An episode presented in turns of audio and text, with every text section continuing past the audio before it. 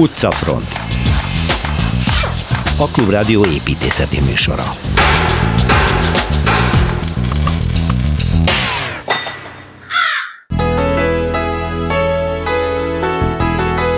Orvieto újabb ékszervároska Olaszországban, ide látogatunk Szilveszter Ádámmal. Az alkimista palotája, vagyis a Ksvint ház a Bródi Sándor utcában Budapesten Kerecsényi Kristóf mesél majd erről.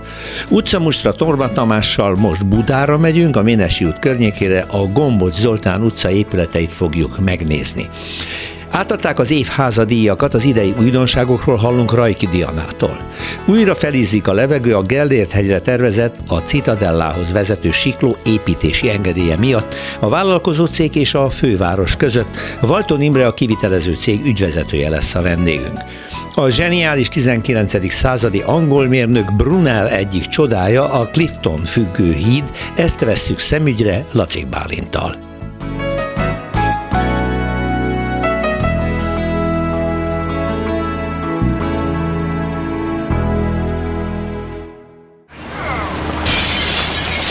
Városi tükör. Toszkánai körutazás után vagyunk, Szilveszter Ádámmal. Szervusz Ádám! Szervusz Péter! Most tovább, tovább megyünk egy másik tartományba Olaszországban. A szomszédosba. Igen, gondoltam, hogy úgy szépen haladsz majd fölfelé. Most lefele megyünk. De most lefele, Orvieto? Igen. Tehát No, akkor nézzük ezt. Mi ez az Orvieto? Orvieto egy, egy, egy figyelmeméltó hely. Gondoltam, ha már ezt is... Ha az ember az Autostrada del Solon megy Firenzéből Rómába, uh-huh. akkor elmegy mellette. És mindenki fölkapja fel, hogy mi ez. Tudni, azt már tudjuk, hogy ezek hegyekre, dombokra települnek ezek a városok, de ez egy egészen drámai. Drámai? Képzeld, de van egy, egy, egy nagy tönk, egy nagy kiterjedésű tönk, tufa tönk, és a városfal onnan kezdődik. Még onnan fölfele. Tehát egy, egy nagyon magasított, egy alátétes uh-huh. város, és, és úgy megy az út, hogy, hogy ugye észak nyugatról délkelet felé, és a keleti oldalon, amikor már elhagyta a város, onnan egy hatalmas templom látszik. Egy hatalmas, tehát még a, a nagy tönköz képest is, hát nem mert hány ember fog itt egy gyülekezetet alkotni, mert a könnyen nem lehet fölmenni. Úgy lehet fölmenni, hogy van egy óriási parkoló, és onnan ah. egy, egy funikulára visz föl. Jé. Igen, tehát olyan, mintha síelni menne, csak, csak egy sosincs hó. Szóval akkor ebbe a településben nem lehet behajtani autóval? Nem lehet. Legfeljebb sárkányrepülővel. Igen, föntről. Igen. Aha. Na most ez az érdekes, megérkezel, és akkor ott van egy, egy erődítés. Tehát valószínűleg még ez volt a legkönnyebben megjárható uh-huh. oldala ennek a tönknek. És ez erődmény 13.-14. században épült. Hogy mi volt a szerep, még nem tudjuk, de azt tudjuk, hogy etrusz település volt itt. Aha és ennek a temetőjét lehet látni. Tehát az ember fölmegy a állomásra, akkor balra előre van az erőd, romos, érdekes, és gyönyörű a tájra lenézni. A másik oldalon pedig van egy, egy kút. Ez az érdekes, mert hát itt készültek, hogy egy ilyen hadviselésre, hogy legyen vízük. És ez már 53 méter mély csiga lépcső a kútba. A mindenit. És ezt, ezt Sangallo Il Giovane építette, és 70 ablakkal világítja föntről, tehát ez a kútba érdemes lemenni. Nagyon szép, mert ki van, ki van tolva a szikla oldalára, ott, ott furták meg. És az ember indul befelé, akkor körülbelül úgy érzi magát, mint Montepulciano-ba, pont úgy, úgy görbül az az út, amivel Ahol legutóbb voltunk. És fölfelé kell menni. Kitérőt vesz, tehát nem megy a, a tovább a város központ felé, hanem elmegy balra egy, egy hegyesszögető csatlakozásnál, és akkor hirtelen meglát egy, egy hatalmas nagy templomtestet. Ez az, amit lentről is lehet ez látni. A, ez a ez a orvétói dóm. Ez a dóm. És a domnak az oldal hajójá felé érkezünk, rendkívül sűrűn csíkozott zebra. Tehát ez, ez úgy néz ki, hogy ez egy szokás, hogy kétszínű kővel burkolnak, de ezek nagyon keskeny csíkok. Reneszánsz? Nem? Nem, nem, nem, nem, ez gótikus. Ez gótikus. Uh-huh. Mert a csíkozás miatt kérdeztem, hogy ez... Gótikus, és, és az is érdekes, hogy itt a gótika az teljesen más, mint a francia gótika. gótika. A fejlett gótika az, az szentér körül, körüljárós.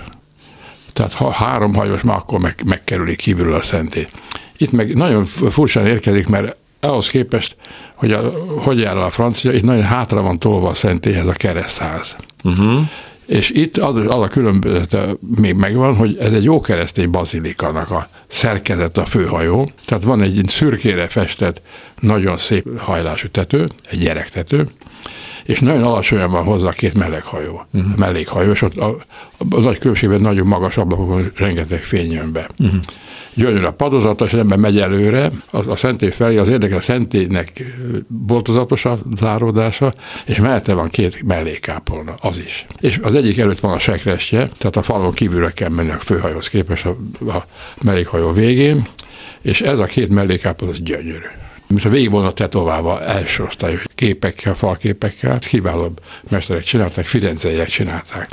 Na most azt, hogy sokáig épült ez a, ez a templom, azért ezt, ezt ilyen sajátos, különleges gótikának neveznek, mert még a, a szokásos olasz gótikától is eltérő ez a sokfélesége. Uh-huh. Ami, ami nagyon megkapod a főhomlokzat. És a, van hármas kapuzat, van a, a középső magasabb, és fölött a, a, a, a kvázi első emelet magassága van, nagyon magasan futó csúcséves záródások vannak. És amikor, amikor közeledesz a kapukhoz, akár jobb vagy baldaléhoz, akkor lát, azt látod, hogy azokat a fejezeteket, amiket ez a, ez a nagy, magas, hegyes szögű záródás van, azt olyan oszlopok tartják, amik elképesztő finom vannak faragva. És ilyen finom testek ezek, mint a ceruzák volnának, és mindegyik más, egyik spirálisan tagolt, a másik hosszába tagolt, és, és aranyos betétek vannak benne. És nagyon szépek a bronzkapuk, az, az egy későbbi, az, az valószínűleg 19.-20. századi, két nő alak van bronzból.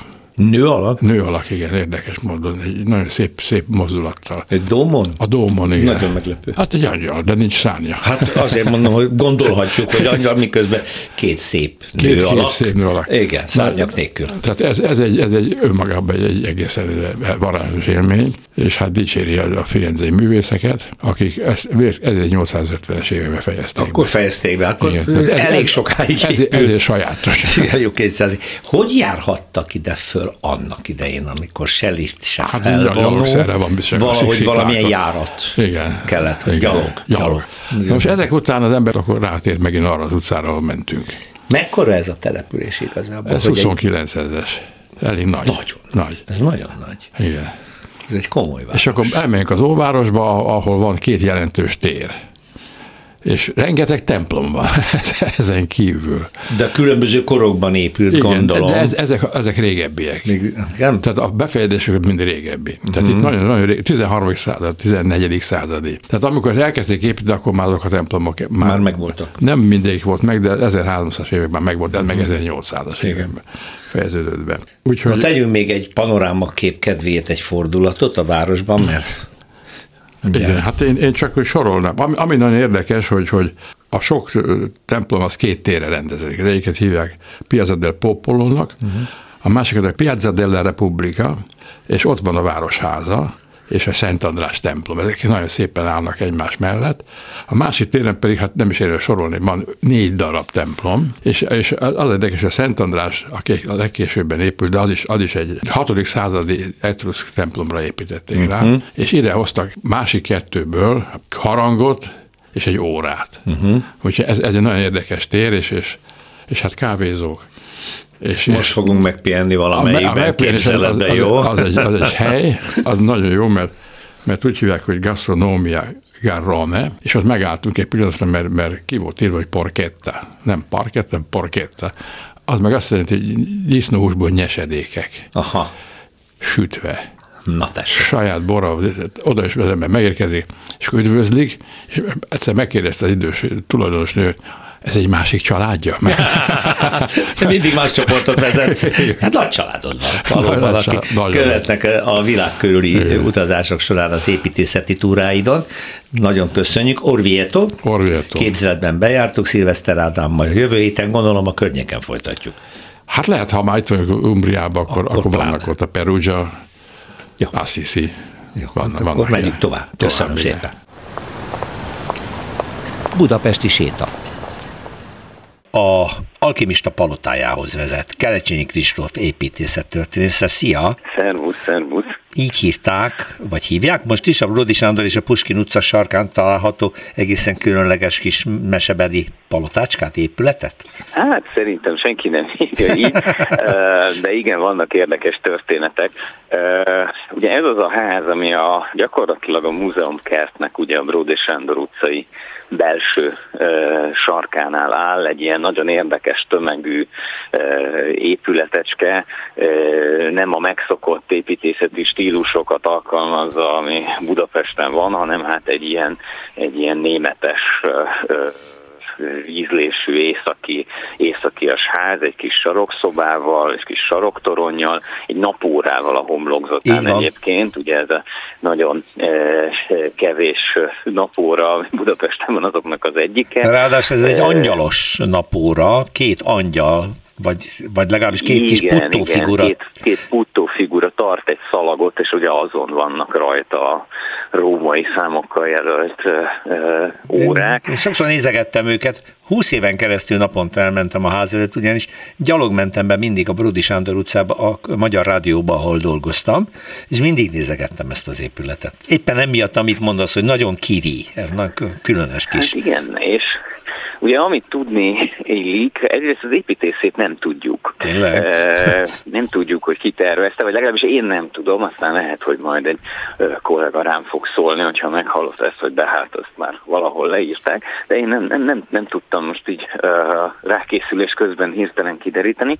Uh, viszont a megrendelőt tudjuk, ez a Schwind fura és nehezen kimondható nevű család, akinek ugye a szeszgyára a Corvin mozi Igen. helyén volt, ugye arról már beszélgettünk, a Corvin közül, ugye az annak a helyén jött létre, és ugye ők az alapító, jól emlékszem, György volt a keresztneve, ugye az Andrássy úton is építettek egy, egy nagyobb léptékű palotát maguknak, de az ő fia, aki megörökölte az üzletet is, és akit itt ugye alkimistaként hivatkoztál a bevezetőben, ugye ő építette fel ezt a házat, és Aha.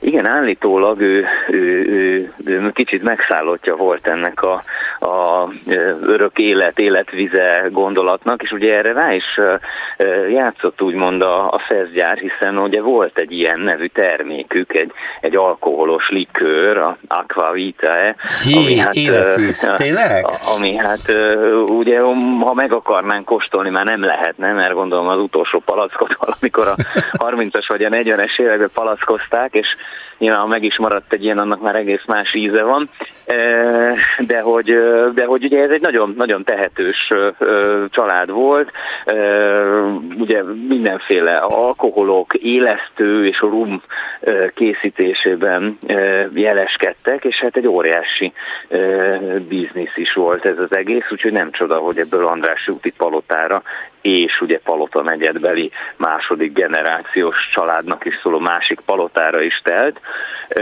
És ugye ez a palota, ez nem csak a stílusában volt extravagáns, de ugye állítólag a, a egyes tereiben gyakran adtak koncertet is, ugye a pincében volt egy ilyen koncertterem, nem tudom, nekem kicsit vad ötletnek tűnik, mert azért ezek a pincék elég nedvesek, hát, és, és, és, és nem, nem feltétlenül a legkellemesebb környezet, de lehet, hogy valóban így volt.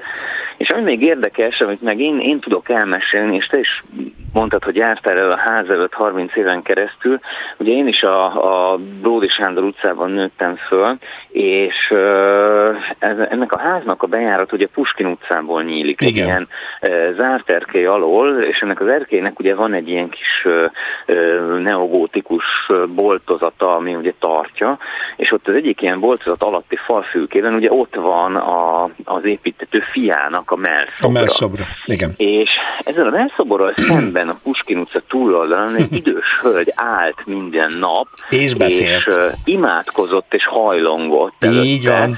És én erre nagyon emlékszem gyerekkoromból, de fogalmunk sem volt, hogy mi a, mi a hölgynek a története, és hogy, hogy, hogy miért, miért állt ott egy nappal átéve gyakorlatilag. Hát akkor én elmondom. Na. Ez a néni folyamat nem imádkozott, csak néha igazából párbeszédet folytatott egy képzelt személlyel. Mi azt gondoltuk, hogy ez a képzett személy az a, az a tűzoltó táb, kéményseprőt ábrázoló szobor, ami ott fönt mm-hmm. volt a falon, amit sajnos azt hiszem azóta eltüntettek. És mi is állandóan találgattuk a kollégákkal, hogy vajon kihez beszél. az volt a feltételezésünk, hogy valakit elveszejtett a családjából, és nyilván ez annyira megviselte, hogy maradt egy ilyen kényszer, hogy ő minden áldott nap elment oda, vagy kiment oda, lehet, hogy ott is lakott valahol, és beszélgetett vele. Pár beszédet folytatott, néha elkaptuk a foszlányait, képzeld el. Úgyhogy ennek a Svindháznak még egy ilyen kisugárzása is van ezek szerint. Nem csak alkimista kísérletek és szabad kőműves szánszok voltak benne Svind György vezetésével, hanem lehet, hogy maga a ház egy szellemiséget hordoz, ami elrabolja az embert, ha közelébe megy. Úgyhogy tessék vigyázni a Bródi Sándor és a Puskin utca sarkán, hogyha valaki arra jár. De mindenképpen építészetileg és érdekes. Ugye vannak rajta kicsi díszítések, bagoly, meg állatfigurák is ott igen. a stukokban. Ezek nyilván különböző tudományokat gondolom képviselhettek, amit az építető kérhetett, már maga Svin György, aki ilyen ezoterikus érdeklődésű ember volt. De a palota nagyon érdekes, és, és építészetileg is jó pofa. No, köszönöm szépen Kelecsényi Kristófnak, arra megyünk. Szervusz, minden jót kívánok! Perspektíva. Peher Ivánra emlékezve azt mondom, hogy megyek Budára, de most nem az ő könyvét idézzük, hanem Torma Tamás, építészet történész, az Egyhelyblokk szerzője, mondta múlt héten Szia Tamás, jó napot. hogy akkor átmegyünk Budára a Gellért hegyre, és az utca mustra ott folytatódik, de most egészen Hát én zavarba vagyok, mert fogalmam nincs, hogy Gombóc mhm. Zoltán az ki volt, és hogy ez az utca Igen. kiről lett elnevezve, viszont, hogy vannak benne ragyogó épületek, azt már előre tudom. Igen, ez gyerekkoron no. világa, tehát no, hát sokkal akkor... több szubjektív szempont is. Van, van olyan ház, ami fantasztikusan néz ki, de semmit nem találtam róla, nem tudom, egy nagyon szép art deco ház például, Miért laktál itt? Nem tudok semmit. Tessék? Gyerekkorodban laktál itt? A Ménes úttól laktam ja, úgy, a hogy a kertünk az fölfelé nézett, azaz a Gombóc Zoltán mm-hmm. utcában, mert ott, ott járunk most, mm-hmm. és ott akkor még nem állt semmi, hanem egy úgynevezett rét volt, az utca gyerekek és a környékbelieknek a nagy találkozó, focizó, stb. helye. Hát ugyanis ez egy szőlővidék volt. Abszolút. A kadarka, itt, a budai vörös az a lényeg, hogy a Gellért hegy egy nagy szőlővidék volt, mert a Somlói út, mert a név ugyebár jobban kapcsolódik. Majd következő után, alkalommal oda megyünk. A nagy utak, Somlói, Ménesi, Ménesi, még a Villányi is, ez logikusan szőlőneveket Igen. viselnek, és a rám erőleges utcák is, tehát Szüret utca, Bakator, a Bakator ugye már egy borfajta, a Ménes az jelenleg Romániához tartozó, de a kelet-bánáti borvidék, ott nagyon híres borok vannak most is. Igen. Tehát ezek őrzik már ezek csak. dűlőutak voltak, és a Gombóc Zoltán is dűlőút volt, nem így hívták természetesen először, hanem Plósz Lajos Plósz? utcának, Plósz Lajosnak, igen, ő no. az egyik kezdő birtokos volt ott, és hogyha rögtön így haladunk is, akkor ez a Ménesi útból nyílik, igen. és kifliszerűen fut bele majdnem újra a Ménes útba, valamivel följebb, akkor már ott az egy utca fut. Nyilván megfelezte ezt a hatalmas területet, uh-huh. ami a Ménes út és a későbbi Somlói út között, között volt. szőlőben volt. A sarkon volt egy, ez nem a legrégebbi hely, de hát mivel az elejétől indulunk, azt úgy hívták, hogy miniszterhelyettesek háza. Na. 60-as években épült, mikor gyerek voltam, és valóban valamiért, nem tudom milyen összefüggésben miniszterhelyettesek költöztek bele, egy ilyen szokásos 60-as évek szolgálati lakások modern ezek épület. szerint. Azért emlékszem rá ennyire, mert találtak egy bombát, Aha. amikor ö, alapozták, és ezt helyben fölrobbantották, és ott egy barátommal valami közeli lakásban az ágy alatt bújtunk meg, úgy vártuk a bombarobbanást. uh-huh. Ez a másik ház egyébként, ez, ez szintén az a Ménesúti másik sarok, ez egy nagyon szép Bauhaus épület, ez is a Plósz családnak egy későbbi nemzedéke építette, ugyanis följebb ez a Gomboz Zoltán, illetve Plósz utca 9 volt, ez volt a a második legrégebbi ház a Gellért hegyen. Uh-huh. Ez egy Vincellér ház Igen, hát volt, hát és egy Vincellér házból épült át. Villává. Villává. Mm, értem. A Plósz Lajos a szabadságharc orvosa volt, utána nyilván dorgálásba részesült, tehát visszavonult. Ez a modell egyébként majd később ismétlődni is fog és így fordult a, a szőlőbirtokosság felé, és ott... Letette a fegyvert, fölvette igen, a puttot. Igen, lényegében igen, igen. uh-huh. És ez azért volt fantasztikus, egy gyerekkoromban szintén láttam, és nem lehetett érteni, miért van ilyen hihetetlen nagy, óriás pince alatt. Egy ja, gyönyörű, boltíves, klasszikus. Téglával kiboltozott, de olyan széles, hogy egy szekér, ezt aztán valaki lakó mondta. Be egy is állni? Tud fordulni, tehát egyrészt nagyon mély volt, és olyan széles volt, hogy egy szekér meg tudjon fordulni. Hát abból akkor a képet alkotunk, hogy milyen mennyiségben termett igen, szőlő, ugye, igen, és akkor még képzeljük hozzá, hogy nyilván két sorba hordók álltak uh-huh, a mhm, szélén, uh-huh. tehát a mhm. szekér ehhez képest ö, fordult ott. Kár egyébként, hogy az, az egykori szőlővidéknek és a borkultúrának nincs valami emlékháza. Ez azért érdekes, mert egy vadi új társasház épült a helyére, Igen. és ennek a pincének a nyoma teljesen eltűnt. Uh-huh. Tehát a fejemben megvan a képe, hogy a régi házhoz képest hol volt, és még csak az se, hogy garázs lett belőle. Lehet, hogy garázs lett belőle, de nem ott van a bejárat. Uh-huh. Tehát nem tudom végül se a régi pincével mi lett. Igen. És ez egy, ugyebár logikusan egy hegyoldalában vagyunk, ez egy kétszintes utca. Igen. Tehát a felső rész sokkal magasabban van, és még két épületet említek, az egyik, ami valaha a szomszédunk volt, és onnantól, mert az ablakunkból láttam, amikor a Szerelem című filmet abban hmm. forgatták, és Darva Siván, ugyanis egy olyan ház, aminek a Ménesi út felől is van egy óriási kertje, és a Gombol Zoltán utca felől is uh-huh. nyílik.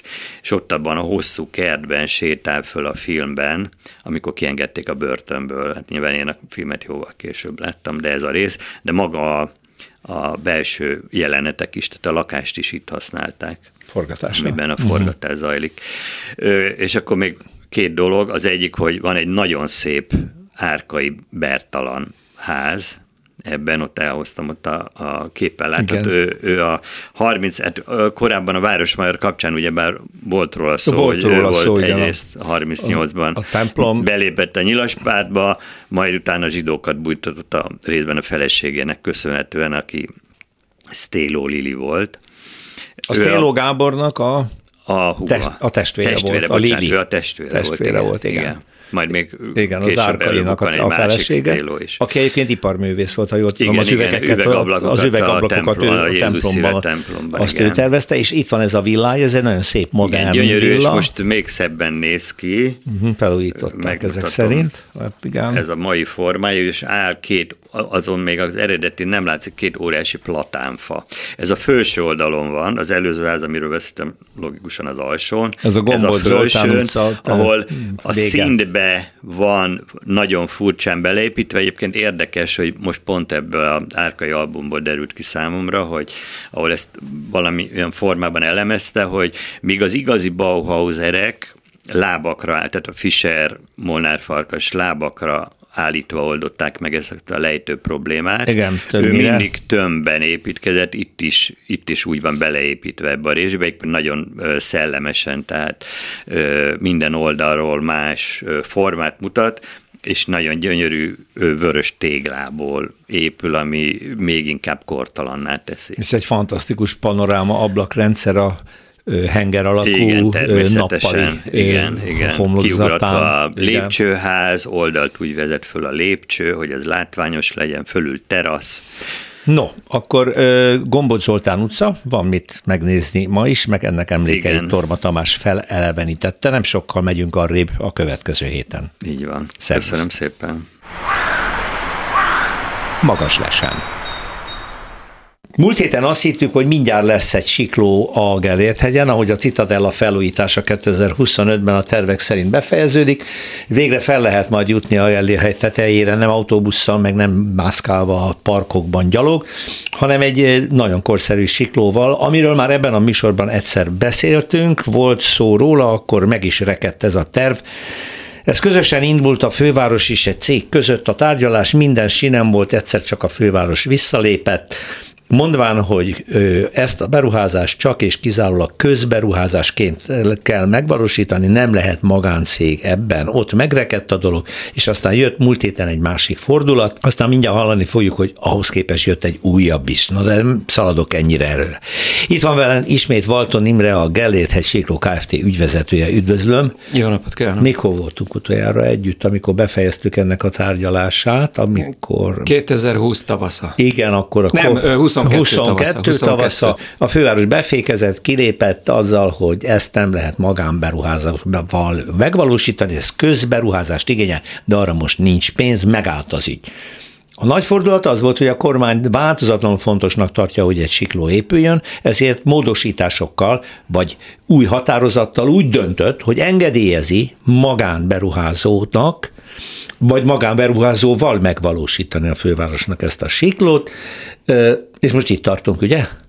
Igen, igen. Akkor... Gyakorlatilag a legfrissebb esemény éppen az volt ezzel kapcsolatosan, hogy kijött egy új kormányhatározat, ami a korábbi tól csak annyiban tért el, hogy rögzítette, hogy a Gellért-hegyi park fenntartásához nem a Gellért hegyi sikló forrását fogja felhasználni. Magyarul uh-huh. azt mondja, hogy nem nyúl a pénzügyekhez, ez nem az ő dolga, ez nem közberuházás, hanem ez mehet az eredeti PPP szerint. Uh-huh. Ezt mi így értelmezzük. Ez a partnership. Ez nagyon fontos lenne, hogy akkor meg is épülhetne, ha a fővárosnak ezt tetszene, de nem tetszik, úgy tűnik. Most előre ugrok, majd a műsor végén megbeszéljük a részleteket, de megtámadta ezt, vagy mit támadott meg? Hát a legfrissebb esemény éppen az, hogy ugye éppen egy korábbi keresette kapcsán újraindította a vasúti hatóság az engedélyezési eljárást,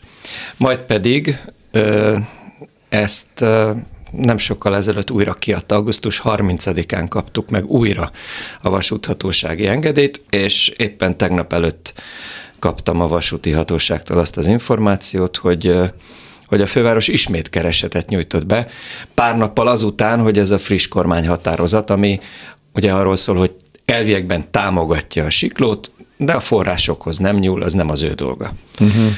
Igazából mi optimisták voltunk, és azt gondoltuk, hogy hát, ha lesz a fővárosnál valami, valami észszerűsítés, és azt mondják, hogy hát mégiscsak kellene ez a sikló, tehát minden európai városban van egy sikló, ahol egy ilyen pozícióban kilátópont, ráadásul most egyéb attrakció is épül, tehát az eddigi mondjuk kizárólag turistaforgalom, külföldi turistaforgalomra rárántunk egy belföldi turizmust még, mindenki tudja, hogy ez kell ez a beruházás. Én azt gondolom, hogy itt nincs kétség. Most megint egy kicsit meglepődtünk, vagy, vagy mondjuk így, hogy az optimizmusunk Gellert kapott, meglátjuk. Ott fejeztük be, hogy én egy nagyon merész következtetést vontam le, nem akarom magára erőltetni, hogy ezt maga mondja ki, vagy nem mondja ki, vagy akár csak jóvá hagyja, de olybá tűnik hosszú éves folyamat elemzésével, hogy a kormány felújítja a citadellát, a fővárosnak meg kellene építenie a ide felvezető felvonót, illetve libegőt, vagy ha úgy tetszik, akkor egy egypályás kis felvonót, ami a rázfűtő mellől a tavámmal indulna és fel a parkba végződne, ennek minden engedélyeztetési terve már egyszer készen volt, már csak arról van szó, hogy önök, mint magánberuházók koncesziós alapjon ezt megépítik, és akkor x évig használják, a fővárosnak meg tiszta bevétele lesz. Így igaz. Minden amellett szól, hogy ez kell, hogy ne buszokkal járjanak fel a turisták, stb. stb. Tehát környezetvédelmi szempontból. Én azt a merész következtetést mondtam le, hogy itt egy politikai csatáról van szó. A főváros nem akar becsatlakozni a kormány által felújított Citadella programra, még ennyivel sem. Nem látok más magyarázatot a húzavonára. Ö, nem gondolom, hogy olyan nagyon tisztán racionális érvek mellett döntenek. Ennyit tudok mondani, tehát nem, nem, nem, nem úgy tűnik. De az is biztos, hogy, hogy ez, ez egy olyan helyzet, hogy még sehol nem volt a Citadella felújítása, amikor ez a projekt már létezett, és amikor már minden engedélyünk megvolt, és ugye ez az akkori leállás a Rácz körüli cirkusz után 2020-ban, amikor újraindult ugye új pénzügyi befektető belépésével, akkor a fővárossal és a budavári önkormányzattal nagyon ígéretesen jó kapcsolatban, mint a kés a vajban haladtunk előre, egészen addig a pontig, amíg ki nem jött az a korábbi 1385 per 2020-as kormányrendelet, ami azt mondta, hogy oké, okay, legyen ez a sikló. És akkor hirtelen mindenki meglepődött, hogy mi ez a kormányhatározat. Se, őszintén mi is a sajtóból értesültünk. Igen. Egyszerűen arról szólt ez a dolog, hogy a kormányzat a Sikló, pontosabban a Citadella építése kapcsán elkezdett azzal is foglalkozni, hogy mi lesz ennek a környezetével. Föl kéne újítani a Gellért-hegyi parkot, meg kéne közelíteni ezt az építményt valahogy. És mivel ez a dolog ez kézenfekvő, hogy így kell megközelíteni, azért azt mondta, hogy jó, hát akkor, akkor kezdjük el kidolgozni a terveit, legyen egy koncepció, csinálj meg a BFK, a pénzügyminiszter keressen rá forrást, és a többi. Ez a dolog végül is egyáltalán semmi szinten nem valósult meg a kormányhatározatból, mert, mert mi történt? Kiderült, hogy hát ez a projekt ez már van. Hát nem, nem kell itt kidolgozni, nem kell ö, másfél milliárd forintot, vagy nem is emlékszem, mennyit határozott meg a kormányhatározat ennek a, az előkészítésére, mert mi csak le kellett szedjük a polcról. Uh-huh. Így aztán valójában ténylegesen az eredeti kormányhatározatban semmi nem történt. Uh-huh.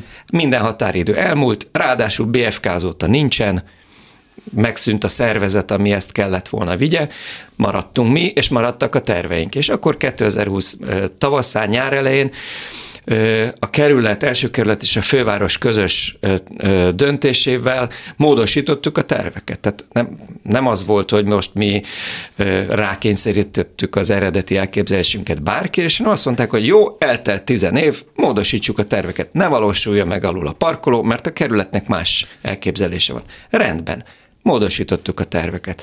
Azóta megkaptunk újra megint minden engedélyt. A mai, mai állapot az, hogy minden szükséges hatósági engedélyünk rendelkezésre. Megoldották a parkolót is, mert az első kerületnek az volt a kívánsága, hogy ne a tabánban parkoljanak a buszok, ahol felszállnak az emberek a siklóra, hanem máshol ne terheljük a ö, tabánt, ez megoldódott? Ez is megoldható tehát? Ö, ugye ez innentől kezdve nem a mi problémánk volt, ez egy döntés volt a szerződéses partner részéről, mert ugye az első kerületi önkormányzat nem csak mint egy szabályozó hatóság, aki a kerületi Igen. szabályozást készíti, Igen. hanem a szerződésben aláíró fél, mivel az ő telkét is érinti a sikló. Ja, értem. Ezért a mi számunkra elvidens, hogyha neki ezzel kapcsolatosan elvárása Hogyan van azzal, mi egyetértünk, akkor gyakorlatilag ez egy konszenzus, és akkor haladunk azt szerint. Ő pedig azt mondta, hogy ő másként fogja megoldani, ne hozzunk be Buda, Budapest belvárosába első körötbe újabb buszokat. Tudomásul vettük, a magunk részéről szakmailag egyetértettünk ezzel a döntésével, és haladtunk ezek során. Mm. És akkor a buszok most, ha nem lenne, vagy nem lesz sikló, akkor ugyanúgy mennek fel a Gellért hegyi parkolóba. Így igaz. Azon a keskeny vacak úton fölfelé. Igen, és ott fönt reszelnek jobbra-balra, Y-ba próbálnak igen, fordulni. Igen, kínlódnak, és megint ugyanúgy marad a túlterhelése a dolog, teljesen észszerűtlen. Jó, a hallgatókat avassuk be. Milyen lenne a sikló, mit tud, hogy működik? A sikló gyakorlatilag egy ferdepályás lift, ami gyakorlatilag... Hogy megy jel... át a hegyalja út fölött? Hegyalja út alatt megy át, Na ez tehát az. ez azt jelenti, hogy a, a Tabán melletti pontosabban a tavában lévő Rácfürdő melletti kis rézsűben, ami gyakorlatilag a hegyalja útra rácsatlakozó felüljárónak a, a támfala, itt egy alagút készül, bányász technológiával előzetesen, ugye itt az altalaj megerősítésével. Átmegyünk a hegyalja út alatt egy gyalogos aluljáróval. Ez az aluljáró a másik oldalon felcsatlakozik a gyalogos ösvényekhez, tehát kvázi kiváltja ott a zebrát is, és utána itt a hegy gyomrában egy 100 méteres, 34 fokos alagút halad fölfelé, megérkezik az Orom utca magasságába, Igen. ott a felszínre kijön. kijön, vagy az úgynevezett kitorkolás, és utána innen egy acélszerkezetes felépítményen, tehát gyakorlatilag egy híd szerkezeten felmegy a Citadella sétány szintjéig. Ugye középen egy kitérővel, mert hogy ez nem Igen, két pályás, hanem ez pályás. egy pályás középen kitérővel. A működése pedig egyszerűen annyi, hogy az egyik kabin a másik kabin ellensúlya, és gépnek, egy villanymotornak gyakorlatilag összesen azt a ö, energiát kell beadni, amennyi a két kabin közti súly különbsége. Gyakorlatilag Hány ez ember megy fel egy kabinban? Egy kabinban, ugye módosítottuk ezt is, tehát Igen. nagyobb kabin, pontosabban a kabin kialakítását módosítottuk, 52 fő Ma. az, ami egy kabinba fel tud menni. Az elméleti menetidő, tehát amit ugye nyilván itt mérnök emberek csinálják, ezt 50, hogy is van, 72 másodperc. Uh-huh. Tehát ez azt jelenti, hogy bődületes tömeget tud ez fölvinni. Tehát azt mondom, hogy ha ez, ha ez megy az év 350 napján, napján mondjuk, csak Jó. úgy nagyságrendileg, akkor ez elméletileg 7 millió embert föl tud vinni. Na most ez... Jó, hát nyilvánvaló. Ha ennyi ember jönne, akkor non-stop járna éjjel-nappal, de ez nem lesz szükség, viszont megoldaná a feljutást és a lejutást hát egyaránt, Igen. és miután föld alatt megy, és a külső szakasza, ami már föld felszín, ott függő? Nem, nem, nem simpályán, ez simpályán, simpályán megy, fut, mint igen, a sikló. Igen, igen. annyi különbség, hogy ez, ez már nem ez a zakatolós, igen. Uh, hogy, hogy kotyognak a kerekek a, a, sín, a sínek csatlakozására, hanem ez egy, egy sín végig hegesztve a, a hőtágulást megoldjuk az alsó állomáson, uh-huh. tehát ez hangtalanul, hangtalanul felmegy felsiklik, ide, való, valójában, igaz, felsiklik. valójában felsiklik, és uh, egy teljesen üveg uh, kabin, ami biztosítja onnantól kezdve a panorámát, meg hát mégiscsak egy gyors és kultúrát feljutást. No, 2025-re kívánja a kormány befejezni a Citadella felújítását, és átadják a új funkciókkal együtt. Nagyon kevés az idő, mm, ha most még egy újabb engedélyezési procedúra következik, mert a kormány, illetve az önkormányzat megtámadta most a az úgynevezett vasúti engedélyezést. Igen, igen. igazából engedélyezés procedúra nem hiszem, hogy indulna, Akkor egy pereskedés indul. Der, igen, lehet, tehát hogy még rosszabb. Hát idő, időben, időben, időben. időben hosszabb, igen. Mennyi idő kellenek a nulláról a átadásig a megépítéséhez? Hogy mi a terv? Ha azt mondom, a régészettel meg vagyunk onnantól kezdve egy 13 hónap uh-huh. a, a, a megépítés. Tehát elviekben még 2025 elviekben. végéig meg lehetne építeni, de nyilván ehhez az kellene, hogy ezek a perek lezáruljanak. Valami fajta konszenzus. Ha nem meg kell várni, még a perek zárulnak, és záruljanak úgy, hogy az adott esetben a, a sikló számára kedvező legyen, és akkor akkor minden jó. Próbálok belehelyezkedni a főváros illetékeseinek helyébe, nem akarja a nyakába venni ebben a gazdasági válságban és a pénzhiány közepette, amit a kormány előállított, mert rengeteg pénzt vont el a fővárostól, hogy egy új dolgot üzemeltessen, avagy avval neki dolga legyen. Tudom, hogy az üzemeltetés a maguk dolga, mert ugye Igen. koncesszióban van, meddig, hány évig?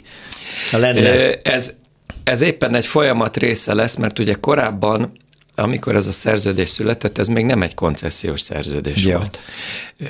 Itt éppen az, hogy át kéne térni a régi, mivel hogy a koncesziós törvény változott, ez a projekt is beesne az alá, hogy a főváros ezzel kapcsolatosan egy koncesziós pályázatot kellene kiírjon, egy zárt körű pályázatot, és gyakorlatilag a régi szerződés szellemében ezt a koncesziós szerződést meg lehetne fogalmazni, és gyakorlatilag ugye itt ügyfélként azt tud indulni, akinek erre engedélye van, tehát gyakorlatilag nem sok ilyen van, uh-huh. a Gellért egy Sikló Kft-n kívül. Tehát gyakorlatilag azt lehet mondani, hogy ez egy tiszta helyzet. Nem bár csak ide jutnánk, hogy már a koncesziós szerződésre való áttérésről lehet. Igen, visszatérek akkor az előbbi gondolatmenethez. Főváros ezt a macerát most nem akarja a nyakába venni, abban sincs talán egyesség, vagy nem látják tisztán, közönség támogatja-e, hogy a Gellért helyet megfúrják, legyen ott egy újabb építmény, a támogatottság a nem sokkal az önkormányzati választás előtt, ugye jövő júniusban lesz, nagyon-nagyon érzékeny dolog. Tehát próbálom értelmezni, hogy miért nem akar belevágni. Egy kicsit olybá tűnik, mint hogyha lett volna egy becsípődése a fővárosnak ezzel kapcsolatosan. Tehát amikor Nem haladtunk... magukkal van valami baj, hogy nem érzik megfelelő partnernek a KFT-t? Vagy nem, nem, vagy nem, nem, tud róla? nem gondolom. Tehát ugye amíg 2020 nyaráig nagyon jóba voltunk, és semmi nem történt. Tehát közös volt a cég? Hát persze. Hát a, a mai napig, a mai napig Tehát a főváros még mindig benne van? Hát persze. Ja, hogy ben van a cégben. Ez, ez külön, külön érdekesség Tehát akkor ben van abban a cégben, amit, amivel szemben most megvonja a, lehetőséget. Ez így igaz. Tehát azért ezt olyan nagyon egyszer nem lehet érteni. Szerintem az van, hogy amikor a kormányhatározat kijött, akkor hirtelen ijegység volt, hogy mi lesz itt, úristen, valaki einstein akarja, és ez becsípődött. Ez olyan, mint az a Hiro Onoda talán emlékszik a, a, a japán harcosra, aki a Fülöp-szigeteken 1974-ig harcolt, mert azt nem a parancsot tudta. kapta, hogy véde az állást, de senki nem mondta, mondta neki, hogy vége van a vége háború. Van hát háború. vége van a háborúnak, mert a kormány mondta, hogy gyerekeink, nincs közberuházás. Organikusan kiderült, hogy a fővárosnak erre sosem lesz pénze, hogy itt közberuházásként Ezért, megépítse, mert hát a hírek nem arról szólnak. Amelyik ezt finanszírozza, megépítés hát utána mellé, akkor legyen meg.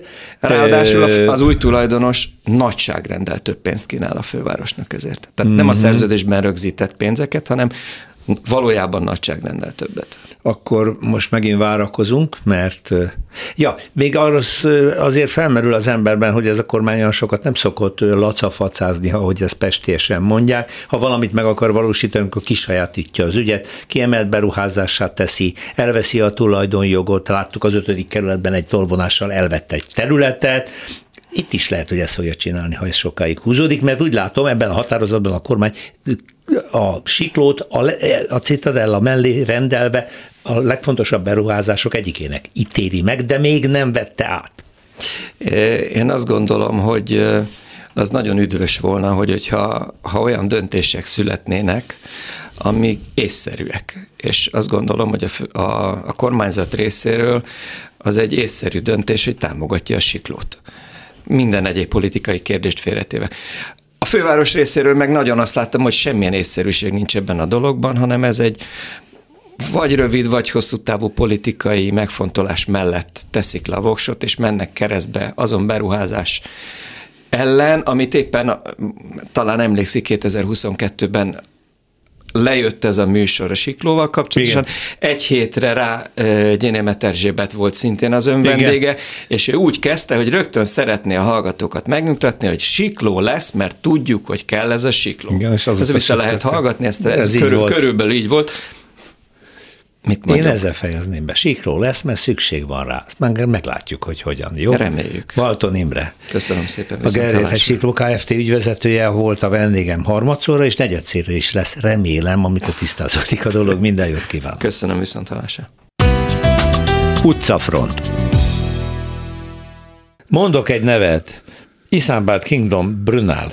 Aki rendszeres hallgatónk, a Brunel névre felkapja a fejét, mert Lacik Bálint, mérnök szakértőnk, már mesélt róla. Szia Bálint! Szerbusz, Ez az jó napot kívánok a hallgatóknak! 19. századi zseni, aki óriási fém dolgokat tudott építeni, hidakat, gépeket, hajót, minden istennyilát, de olyan technikai megoldásokkal, ami messze a korát meghaladta mindig.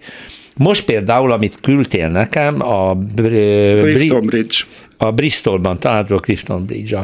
Ez egy olyan függőhíd, mert fönt van a magasban, vagy 80 méter 80 magasra, méter magas a víz fölött.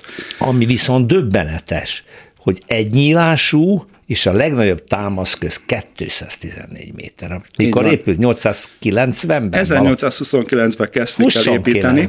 Na most az előtörténete is nagyon jó pofa, mert hát ugye Bristol Nagy-Britanniának egy fontos kereskedővárosa, és a gazdag kereskedők egyike, egy William Wick nevű úriember.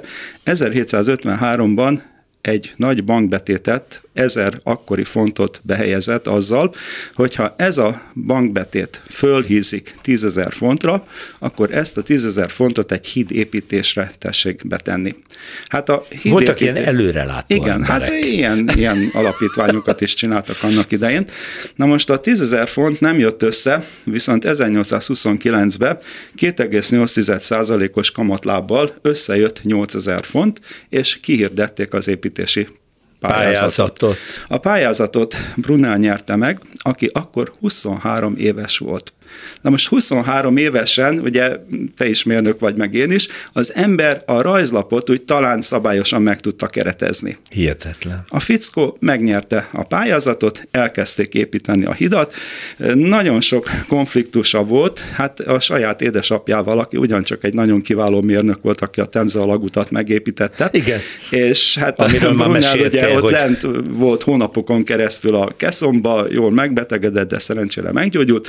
Na most most az öreg Brunelnak az volt a javaslata, hogy ezt a hidat nem lehet ezen a fesztávon, ilyen magasságban egy nyílásúra megépíteni, hanem kell középre valami alátámasztás. Hát ha már csak arra gondolok, hogy ilyen nyílás távolságnál a szél maga képes olyan Igen. rezonanciát okozni. Igen, és hát hogy... ilyen magasan, tehát egy rettenetesen nagy szurdokban van az Avon folyó fölött, 80 méterrel a víz a fölött. fölött.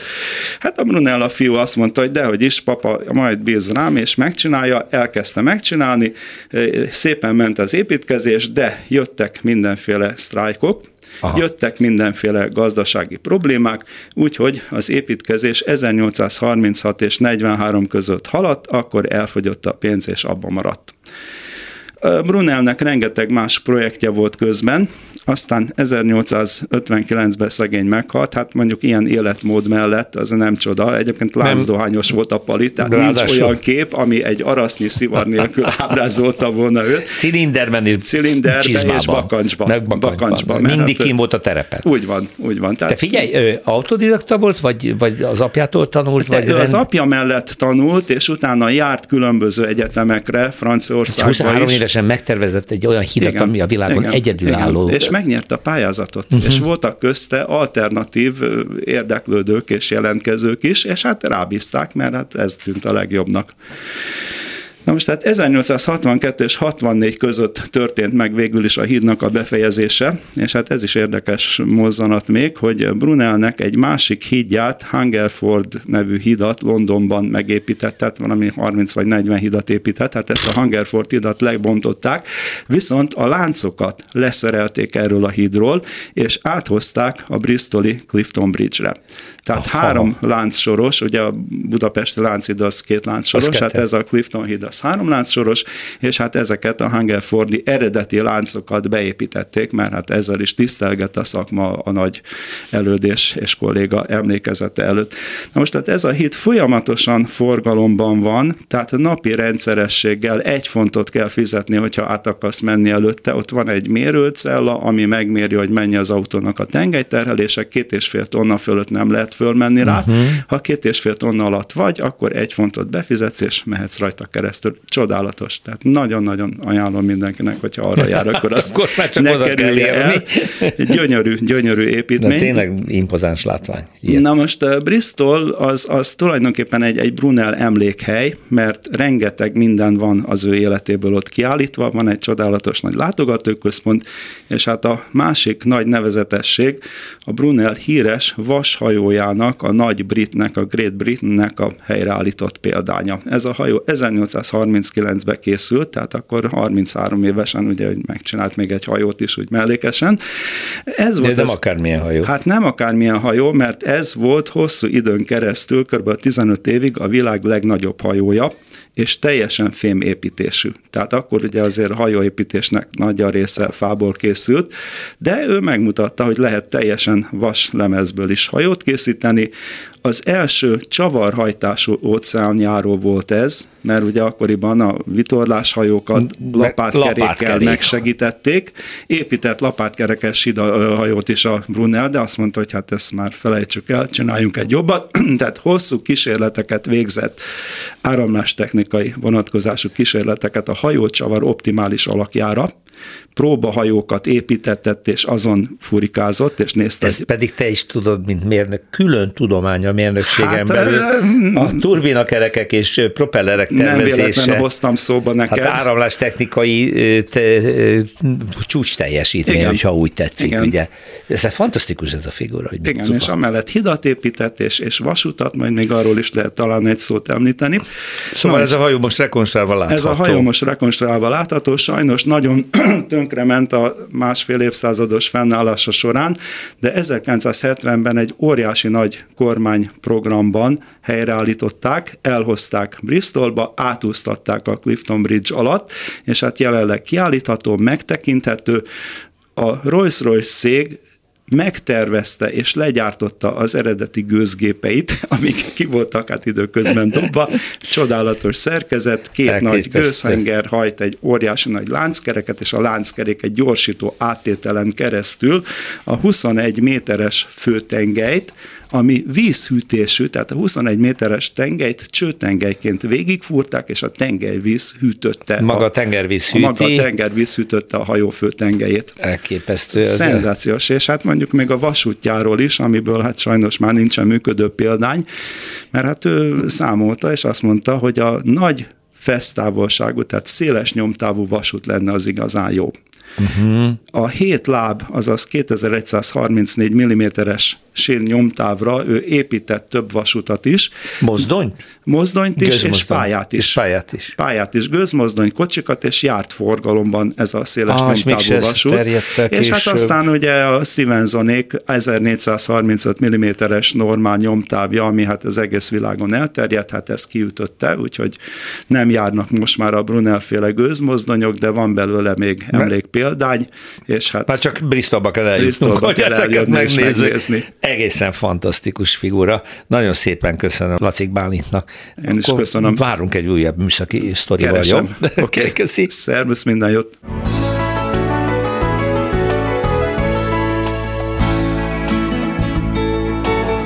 Köszönjük a figyelmüket, az utcafrontot hallották, a műsort Árva Brigitta szerkesztette és Rózsa Péter vezette. Egy hét múlva várjuk Önöket.